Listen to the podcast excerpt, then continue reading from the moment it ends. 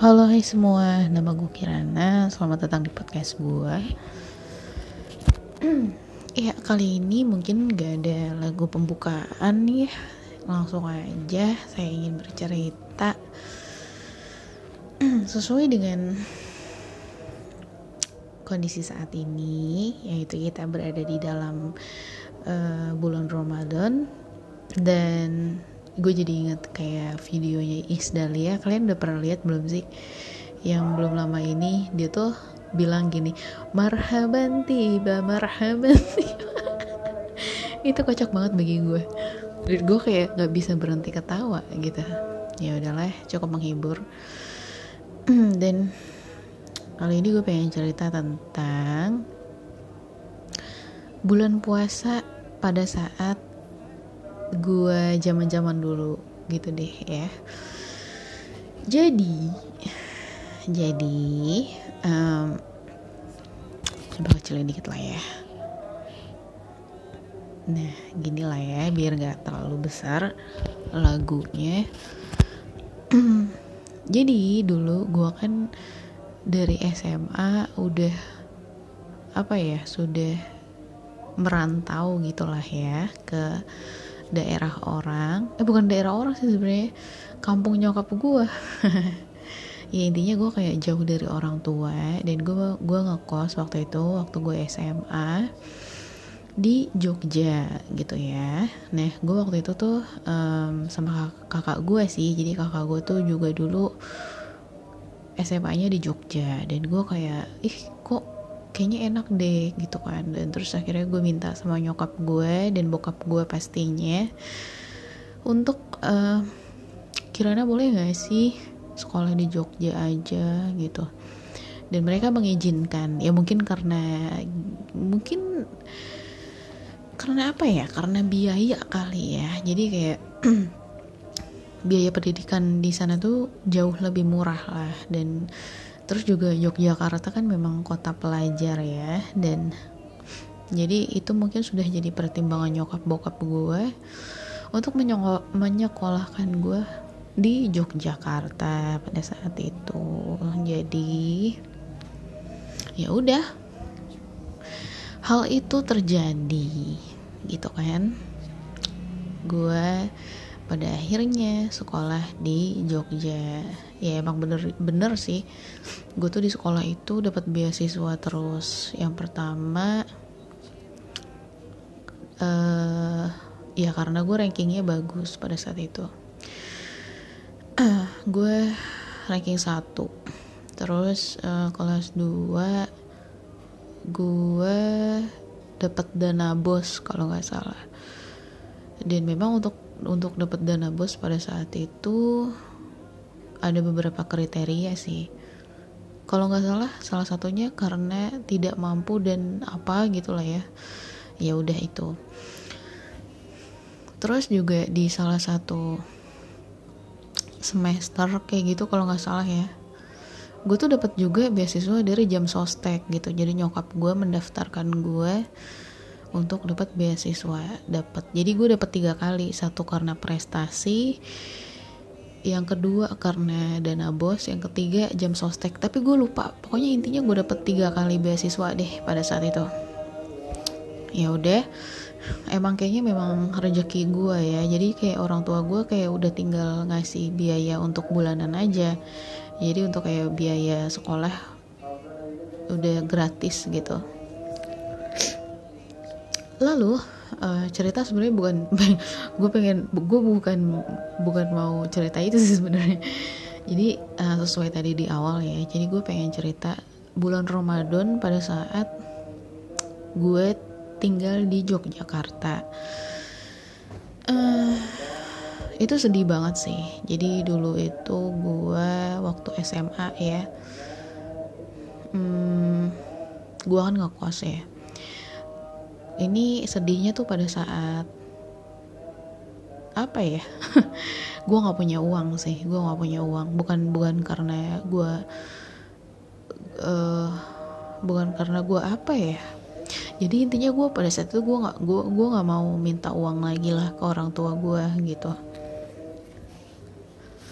Terus uh, gue waktu itu masih sama kakak gue tuh. Jadi kan gue masih ketemu satu tahun. Gue sama kakak gue beda dua tahun ya kan?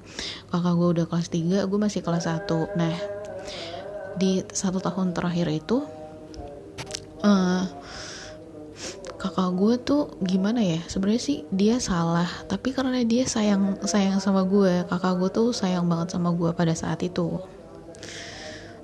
Terus hmm, tahu gak sih? Ini sebenarnya sih dosa ya jangan ditiru ya. Pada suatu hari dia tuh ke rumah makan langganan kita gitu kan. Memang di situ di situ ada rumah makan kan. Kayak khusus mahasiswa. Di situ memang ada deket kampus lah gitu. Kos kosannya tuh deket kampus. Dan memang tempatnya strategis lah gitu ya. Banyak sekolah gitu. Dan kakak gue juga kebetulan sekolahnya deket di warung itu gitu kalau gue kan jauh. Nah terus Alhamdulillah. Sorry sorry sorry. Nah terus um, kakak aduh. Oke. Okay. halo tes tes. Nah terus kakak gue habis dari warung itu dia bawa ayam goreng. Masih panas banget. Dulu tau dia taruh di mana? Di kantong celananya dia. Terus dia bawa ayam itu buat gua. Buat gua. Dia ngambil dua sih. Dua ayam dua potongan ayam goreng. Terus sebenarnya sih dia juga emang udah magang ya. Dia tuh magang di wartel waktu itu. Dia kayak ngejaga wartel terus juga dia juga kayak uh, dulu kan kayak masih ada ini ya apa masukin MP3 masukin dulu tuh zaman zamannya kalau misalkan handphone lu udah apa ya namanya? Wap ya. Kayaknya sih wap ya nyebutnya atau gue lupa deh. Intinya dulu tuh kalau di wartel itu kita bisa masukin lagu-lagu kayak gitu-gitu. Nah kakak gue kerja di situ gitu. Sebenarnya sih udah magang tapi duitnya itu tetap aja nggak cukup lah. Kecil banget waktu itu. Bayarannya dia tuh kecil. Nah terus dia tuh bawa ayam bawa ayam goreng itu masih panas. Terus dia tuh bilang gini ke gue dek dek nih makan makan gitu. Terus gue bingung kan karena dia ngeluarin dari celananya dia bukan dari kantong kresek bukan dari tempat yang layak lah ya maksudnya kayak bungkusan apa kayak gitu gitu. Gue bingung loh ini dari mana? Gitu. Terus kakak gue bilang udah makan aja makan gitu. Terus lu ngambil ya gue bilang gitu kan. Terus dia cuma cengar-cengir terus bilang iya gitu. Udah lu makan makan gitu gue tuh kayak sedih banget gak sih? Kayak gue bingung gue tuh kayak campur aduk gitu loh rasanya. Karena kita nggak punya uang kita nggak punya uang untuk kayak makan ayam tuh kita nggak punya. Terus gue nanya dia lu udah makan belum? Nih gue ada lagi jadi dia ngambil dua. Jadi dia ngambil dua ayam terus dia cerita kalau misalkan dia udah makan di sana pakai sayur pakai sayur doang sama gorengan sedih banget deh. Dulu tuh kalau sayur sama gorengan kan cuman berapa sih? 2000 kalau nggak salah ya. Kayak murah banget lah intinya. 2000 tuh udah bisa makan sepuasnya gitu. Karena kan itu tahun berapa ya? 2000 Uh, 2003 ya kalau nggak salah. Eh nggak dong. 2006 2006 ya gue SMA itu 2006 kan lulus 2009 Iya bener kayaknya 2006 deh 2006 itu memang kalau nasi sayur kayaknya 2000 kalau nggak salah ya 2000 deh. Terus kakak gue udah makan terus gue disuruh udah suruh masak nasi gitu kan. Masak nasi ya udah gue makan pakai ayam itu. Terus dan itu kayak nggak cuman sekali dia ngelakuin itu gitu beberapa kali. Terus hanya karena dia tahu gue tuh makannya ya udah nasi sayur lagi nasi sayur lagi gitu. Kadang kadang gue tuh nunggu bener-bener nunggu apa ya nyokap gue ngasih duit gitu loh. Gue kan dulu punya ATM ya. Terus gue nungguin gitu. Kadang nyokap gue tuh ngirimnya telat gitu. Terus telat sehari aja tuh kayaknya gimana ya? Karena gue tuh udah di ujung tanduk banget. Coba lu bayangin nih gue udah nggak punya duit udah di ujung tanduk banget. Terus nyokap gue ngabarin dek ibu kirim duitnya besok ya. Dan itu kayaknya gue pengen pingsan gue rasa. Tapi gue dengan dengan apa ya gue nggak menunjukkan itu ke nyokap gue dan gue bilang oh ya udah nggak apa-apa. Dalam hati gue dalam hati gue tuh gue bingung gue mau makan apa nih gue nggak punya duit dan lain sebagainya gitu. Tapi ya udah untungnya gue selalu sedia Quaker Oat pada saat itu. Karena itu kan yang pada saat itu tuh kayak yang paling simple dan menurut gue murah gitu. Kalau untuk bisa disimpan kan. Ya udah jadi Quaker Oat itu penyelamat gue penyelamat gue banget deh pokoknya Quaker Oat oh terus kadang gue ke tempat nenek gue oh iya bener. Jadi dulu kalau misalnya gue nggak punya duit kadang nyokap apa nenek gue itu kan gue jalan kaki nih gue belum punya motor waktu itu. Kelas satu tuh gue belum punya motor.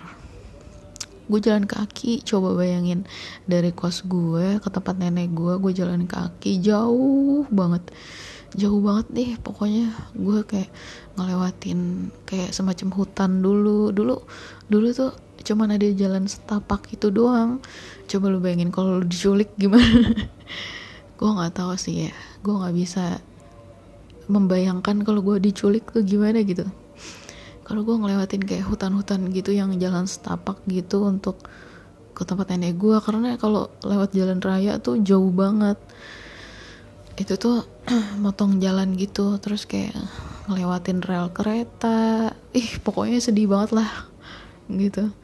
Terus pas gue udah nyampe tempat nenek gue belum tentu nenek gue tuh masak belum tentu. Kadang itu tuh sayur sayur udah tiga hari yang lalu diangetin lagi diangetin lagi.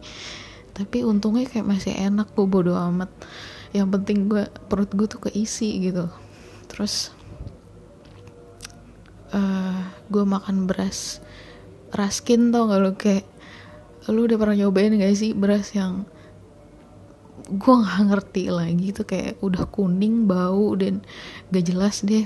Padahal padahal tuh itu beras baru banget dimasak. Cuman ya namanya juga beras miskin ya. Jadi kualitasnya itu gue udah udah ngerasain banget gitu. Kalau misalkan gue ditanya lo udah pernah belum nyobain raskin oh pernah gue pernah. Pernah banget. Dan itu rasanya ya gue sih nggak pernah ngebandingin ya mana raskin pokoknya gue makan aja pada saat itu tuh di dalam pikiran gue pokoknya gue makan gitu. Jadi nenek gue juga gimana ya setiap gue datang pasti dia nanya mau indomie nggak? gitu. Indomie juga bukan indomie. Itu tuh kayak sarimi deh kalau nggak salah. Dulu tuh di sana kan terkenalnya sarimi ya. Indomie tuh nggak ada. Kalau di desa itu kita makan bukan indomie sarimi. Eh iya benar sarimi. Bukan super mie juga. Sarimi benar-benar sarimi yang yang ada apa sih ada jin. Eh bukan jin sih. Pokoknya itu deh. Iya bener-bener sarimi sarimi. Terus hmm, gue tuh yang kayak antara mau dan enggak. Karena apa? Nenek gue itu nggak nyimpan banyak stok mie kan? Kalau gue makan mie nenek gue gimana gitu. Jadi gue bilang sama nenek gue nggak usah gitu. Ini aja gitu. Kayak sayuran yang yang ada aja. Jadi nenek gue masaknya apa? Ya udah itu gitu. Terus kadang nenek gue tuh tetap nggak mau kalau misalkan sayuran udah lama gitu ya udah diangetin lagi diangetin lagi dia nggak mau. Pokoknya dia tuh selalu berusaha untuk untuk masakin gue gitu. Entah itu dia ngambil jadi kan nenek gue punya tanah luas ya. Terus dia tuh langsung ke kebunnya dia ngambil kenapa gue deg-degan ya? Kayak suara gue kayak bergetar nggak sih? Gue kayak nggak tahu deg-degan aja jadi nenek gue itu uh, dia langsung ke kebun ngambil daun melinjo atau kan yang masih muda daun melinjo itu dia potong-potong terus dia aduk ke telur telurnya itu cuma satu coba lu bayangin. Terus kayak pakai daun melinjo supaya tebel gitu telurnya tuh supaya tebel. Kadang bayam kan di belakang rumah ada pohon bayam banyak. Jadi bayam itu dipotong sama nenek gue supaya telurnya jadi tebel aduh gue kayak pengen nangis gak sih? Terus kayak kita makan makan itu tuh nasi sama telur tuh udah enak banget sumpah. Itu kayak makanan terenak yang pernah gue makan tuh itu gitu.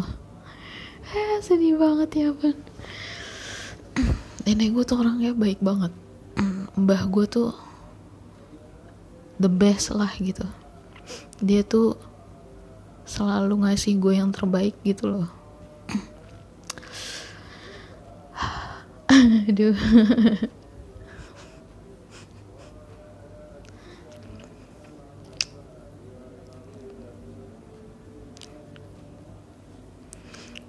Terus um,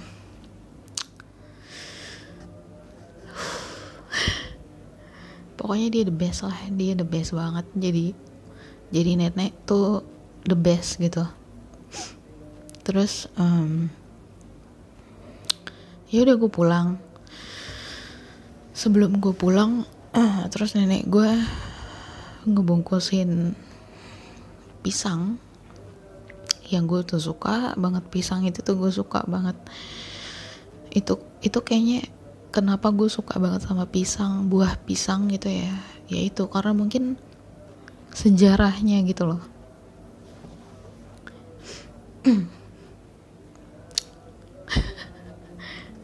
gak kuat gue gak kuat gue pengen nangis aduh.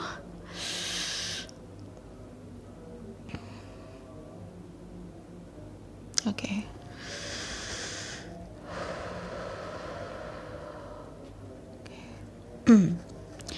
jadi kenapa pisang gue tadi udah bilang ya jadi tanah nenek gue tuh luas banget gitu kan ya. Dan salah satunya itu ada tanaman singkong dan ada tanaman pohon pisang. Cukup banyak pohon pisangnya. Dan terus uh, gue dibawain satu sisir satu sisir pisang gitu. Gue nggak tahu sih namanya apa cuman nenek gue bilang bahwa itu pisang Bandung. Pisang Bandung tuh yang gemuk-gemuk yang yang kulitnya tipis dan itu enak banget gitu. Gue nggak tahu kalian kalian tahu nggak sih pisang Bandung itu kayak apa? Ya pokoknya bentuknya seperti yang gue gambarkan. Dia nggak panjang dia bantet gitu. Iya kayak gitulah. Pokoknya enak menurut gue enak banget. Dan nenek gue ngebawain itu dan gue seneng banget tau gak sih? Kenapa? Karena pisang itu karbo ya pisang itu karbo dan sangat mengenyangkan bagi gue dan gue pernah gue pernah bener-bener kayak gue harus menunggu kira-kira tiga atau empat hari ya tiga atau empat hari untuk nunggu nyokap gue tuh ngirim duit gitu loh ngirim duit terus um, gue makan pisang aja gitu. Gue gue ke tempat nenek gue gue gue nggak minta makan pokoknya gue gue minta mbah mbah ada pisang nggak? Gitu. Terus uh, kalau nggak ada kan kadang pisang itu ditaruh di belakang pintu gitu ya diumpetin di satu ruangan gitu. Maksudnya sih supaya cepat mateng gitu. Kalau nggak ada mbah gue bakal nyuruh orang buat buat nyariin buah yang udah mateng. Pasti gitu pasti padahal gue sih nggak nggak nggak yang serius minta ya. Terus gue gue padahal udah bilang udah mbak kalau nggak ada nggak apa-apa nggak usah gitu. Terus tiba-tiba pas gue pengen pulang udah ada aja gitu. Pisangnya tuh udah ada aja. Dan gue kayak seneng banget. Dan dari situ gue tuh jadi memanfaatkan pisang gitu lah ya, untuk ngeganjel perut gue gitu. Dan itulah kenapa sampai detik ini gue suka banget sama pisang.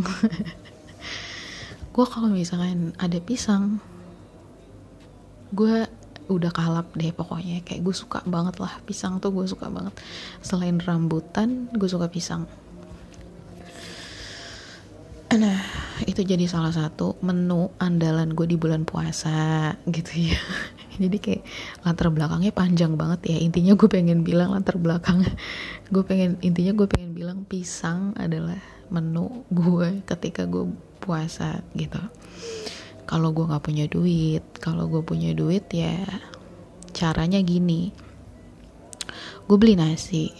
Misalkan nasinya gue beli 2000 ya. 2000 itu gue bagi dua. Satu buat buka puasa satu lagi buat satu lagi buat gue sahur. Ayam juga sama gue bagi dua. Kayak gitu caranya. Nah terus gue pernah suatu hari ya gue nggak tahu itu cara masaknya gimana gue nggak tahu ya. Gue beli nasi gitu ya. Gue belinya sih sore pas lagi gue pengen sahur nasinya kayak jadi kayak nasi mentah lagi gitu loh kayak nasi yang belum matang gitu. Gue kayak keheranan ya kok bisa ya? Beras ini eh nasi ini kok jadi kayak beras lagi gitu.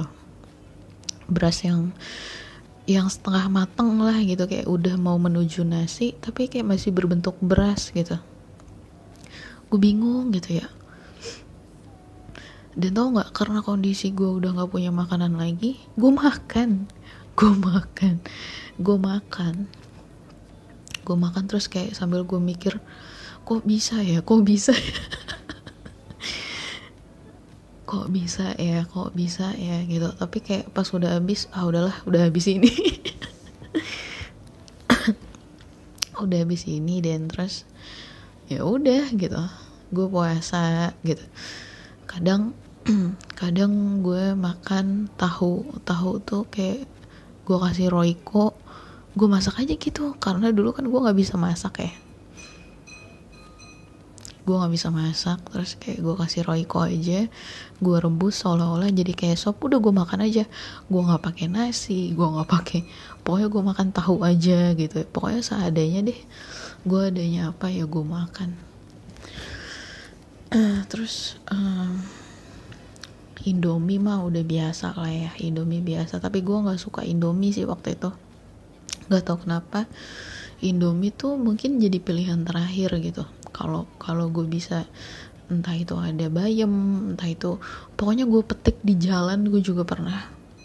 Gue tahu itu daun bayam gue petik. Kalau bayam kan udah tinggal dikasih garam ya kan? Syukur-syukur lu nemu satu siung bawang wah itu udah enak banget itu udah enak banget. Ya udah gitu. Bayam bayam tuh bisa tumbuh liar di mana aja. Dan itu paling gampang. Jadi kalau gue lagi jalan kaki menuju arah ke nenek gue kalau gue nemu daun bayam langsung gue ambil. Itu berharga banget bagi gue gitu. Terus apalagi ya yang gampang tuh oh sarden. Gue pernah ketika gue dapet duit dari nyokap gue berpikir gue beli apa ya yang bisa bisa bertahan gitu? Dan gue berpikir oh gue harus nyetok sarden. Sarden juga. Jadi menu andalan gue kalau sarden kan murah ya 3000 satu kaleng waktu itu apa 1500 gitu? Pokoknya murah lah menurut gue. Kayaknya 1200 deh. Kayaknya ya. Gue lupa. Mm -mm, kayaknya 1200 deh. Terus apalagi ya selain sarden gue oh beli. Gue pernah beli nugget gue beli ini ada yang lucu nih gue beli nugget nih. Beli nugget yang cuman 250 gram. Itu kayaknya kayak cuman berapa ribu ya lima ribu apa enam ribu gitulah. Nah terus gue seneng dong karena nugget adalah makanan yang mewah bagi gue waktu itu. Wah gila gue beli sar eh beli sarden beli nugget ye beli nugget gitu. Terus gue ke warung kan bu beli minyak gitu. Berapa? Sekilo. Buat apa? Namanya gue kayak gak ngerti ya. Minyak goreng sekilo berapa ya waktu itu? 6 ribu kalau nggak salah. Kalau nggak salah ya pokoknya intinya gue bilang itu kayak gue nggak bakal lupa sih terus uh, ceritanya gue tuh kayak ngeliat di TV kan orang-orang goreng-goreng tuh minyaknya banyak banget gitu kan. Kayak gue ini kocak banget sih. Gue tuh kayak oh gitu ya cara goreng gitu ya gitu. Ya udah deh gue beli minyak yang banyak. Goblok ini bener-bener goblok. Kayak ngebuang-buang duit gitu. Gue nggak tahu kenapa udah udah susah gue blok lagi nggak ngerti gue nggak ngerti. Terus pas sampai kos gitu ya gue taruh lah minyak itu di waj eh bukan di wajan di mana ya? Astaga di panci gitu kan. Di panci biasa gue kayak nganget-ngangetin sayur gitu gue taruh di panci gitu kan. Wah minyaknya udah banyak nih gitu kan ya. Gue cemplungin tuh nugget. Terus pas udah mateng pas udah mateng gue berpikiran gue lebay gak sih? Kayak lebay banget dah. Kayak ngegoreng nugget yang sedikit banget terus kayak minyaknya lu bayangin gak bisa bayangin gak sepanci! Buat apa jali? Buat apa? Aduh gila. Kalau gue ngikut master chef itu chef chef pada nangis ngeliat gue aduh sumpah itu kayak gue karena gue itu kan bener-bener baru pertama kali kan. Maksudnya bukan pertama kali banget sih cuman gimana ya gitu. Sumpah sih lucu banget sih pengalaman banget. Terus uh, itu gimana ya ya itu SMA lah ya. Udahlah kita kayak cepetan aja karena baterai gue ternyata mau habis. Nah terus gue kuliah nih. Gue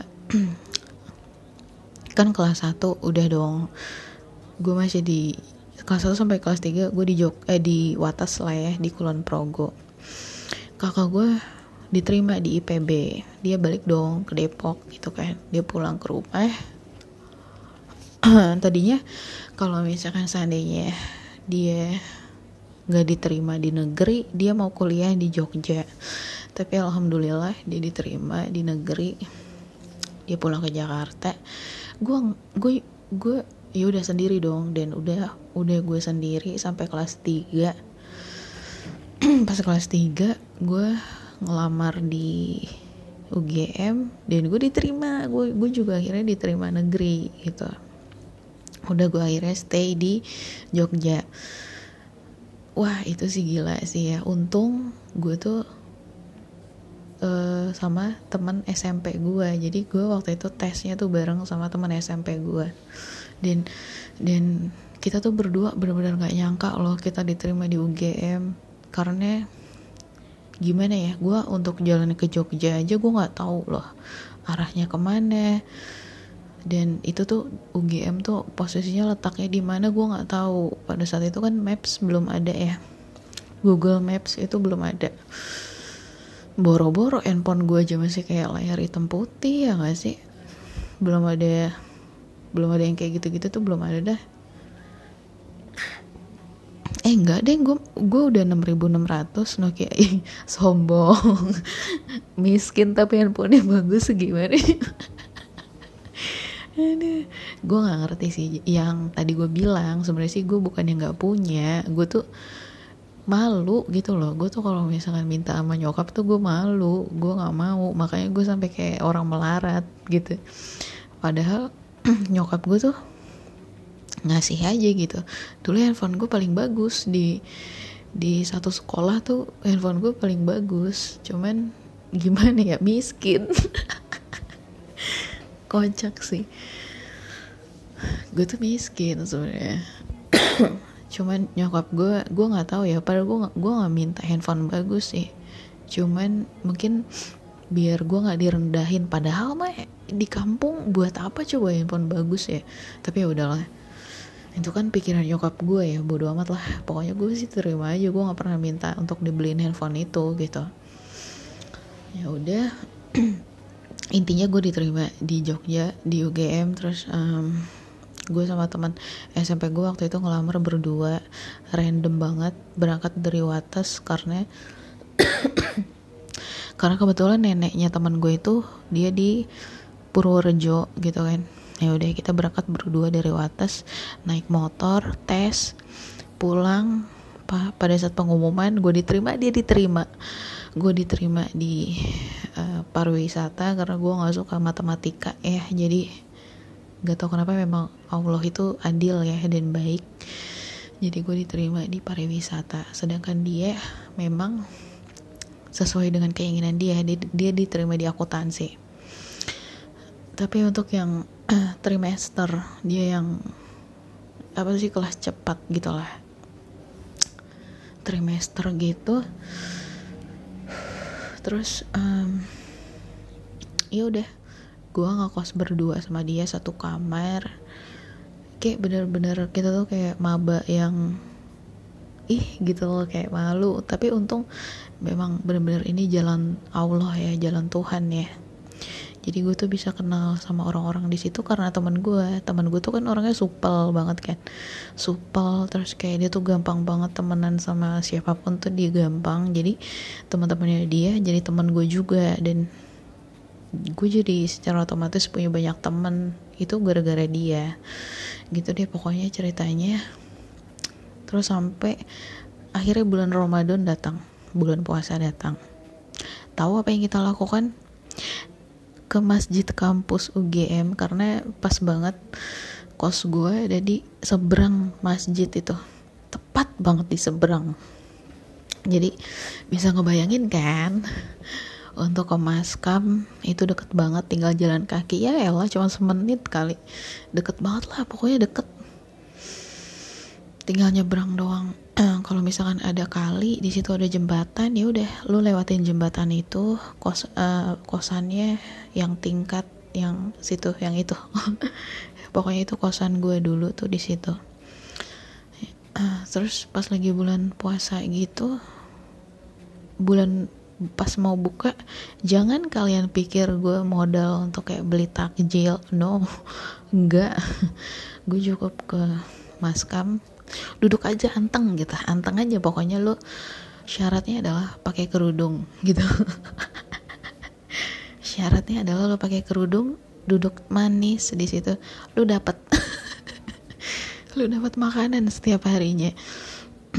Dan menunya jangan jangan jangan lo pikir yang murah-murah enggak. Itu menunya yang mantep-mantep. Nasi padang terus Chinese food. Oh, pokoknya enak-enak deh. Pokoknya di Maskam tuh makanannya enak-enak banget. Ada takjil ada juga gitu. Karena kan gak cuma satu orang yang ngebagiin. Kadang itu yang baru dari masjid. Kalau misalkan yang di luar masjid banyak banget orang yang kayak eh buka-buka. Wah gue ambilin semua. Tenang gak perlu khawatir. Gue ambilin tenang tenang. Kayak gue tuh kayak wow gitu aku bahagia sekali gitu. gue jadi kayak bisa menghemat duit dong ya kan? Dan kebetul kebetulan sih sebenarnya gue juga udah bisa nyari duit sendiri pada saat itu. Pada saat gue kuliah itu masa kejayaan gue sebenarnya. Tapi gue tetap kalau buka puasa bukanya di maskam aduh yang gratisan gak tuh? Tapi ya bener-bener awal-awal sebelum gue bisa nyari duit sendiri ya sedih juga sih. Jadi buka puasanya di maskam. Pas lagi sahur gue tuh cuman pakai intinya lauknya cuman gorengan. Terus ayamnya paling beli ayam yang murah terus atau enggak lauk yang murah yang harganya cuma 6000 lah pokoknya gue pasti udah bilang langsung ke ibunya bu beli nasi yang 6000 gitu. Lu bilang aja gitu deh. Mau lauknya apa kek? Ya udah pokoknya 6000 aja. Ya udah gitu. 6000 5000 lah gitu. Itu udah mewah banget sih udah banyak banget dan bisa dibagi menjadi tiga gitu. Jadi itulah Yogyakarta itulah pengalaman gue di bulan puasa di bulan Ramadan. Sedih tapi bakal pastinya ya bakal selalu gue kenang ya. Yang paling menyakitkan ya itu sih ketika gue di Wates ya. Ketika gue di di kos yang itu itu sedih banget sumpah sedih banget. Sampai gue tuh gimana ya? Gue mengenal AC ya. Gue mengenal AC itu dari warnet. Jadi gue rela di situ kan dulu kan warnet murah banget ya. Jadi kalau ada paket 3 jam itu cuma bayar berapa? Gue rela loh beli paket 3 jam. Hanya karena gue kayak ih enak banget ya ada AC-nya gitu. Kayak eh, lama-lama di situ gitu-gitu. Itu kayak pengalaman banget sih. Pokoknya pokoknya tuh ketika gue lagi susah sebenarnya sih gue kayak inget-inget lagi gue gue pernah lebih dari ini gitu. Gue pernah lebih susah dan seharusnya sih gue bersyukur ya ketika gue lagi susah tuh seharusnya gue bersyukur dan gue inget aja itu seharusnya ya. Tapi namanya kadang gue kalau lagi hilaf kalau gue lagi berpikir susah ya kadang gue tuh kayak udah panik duluan gitu loh. Dan kayak berpikir bahwa kayaknya dunia bakal berakhir padahal ya gue nggak tahu juga ya. Nggak tahu sih sebenarnya. Tapi menurut gue ya tergantung tekanan juga ya karena semakin lo dewasa gitu ya. Kalau dulu mungkin lo tidak memikirkan tentang karir tentang jodoh dan lain sebagainya. Cuman ya makin ke sini pasti lo pusing lah ya untuk mikirin hal-hal yang dulu nggak pernah lo sangka-sangka dan gak pernah lu duga-duga gitu. Ya udah jadi mungkin gue cerita itu aja dulu ya kali ini tentang ya walaupun sih sebenarnya sih pada intinya gak terlalu banyak juga ya pengalaman gue di bulan Ramadan. Jadi ya intinya gue ah, cerita aja deh ya. Ya deh sampai bersama lagi di case selanjutnya. Bye bye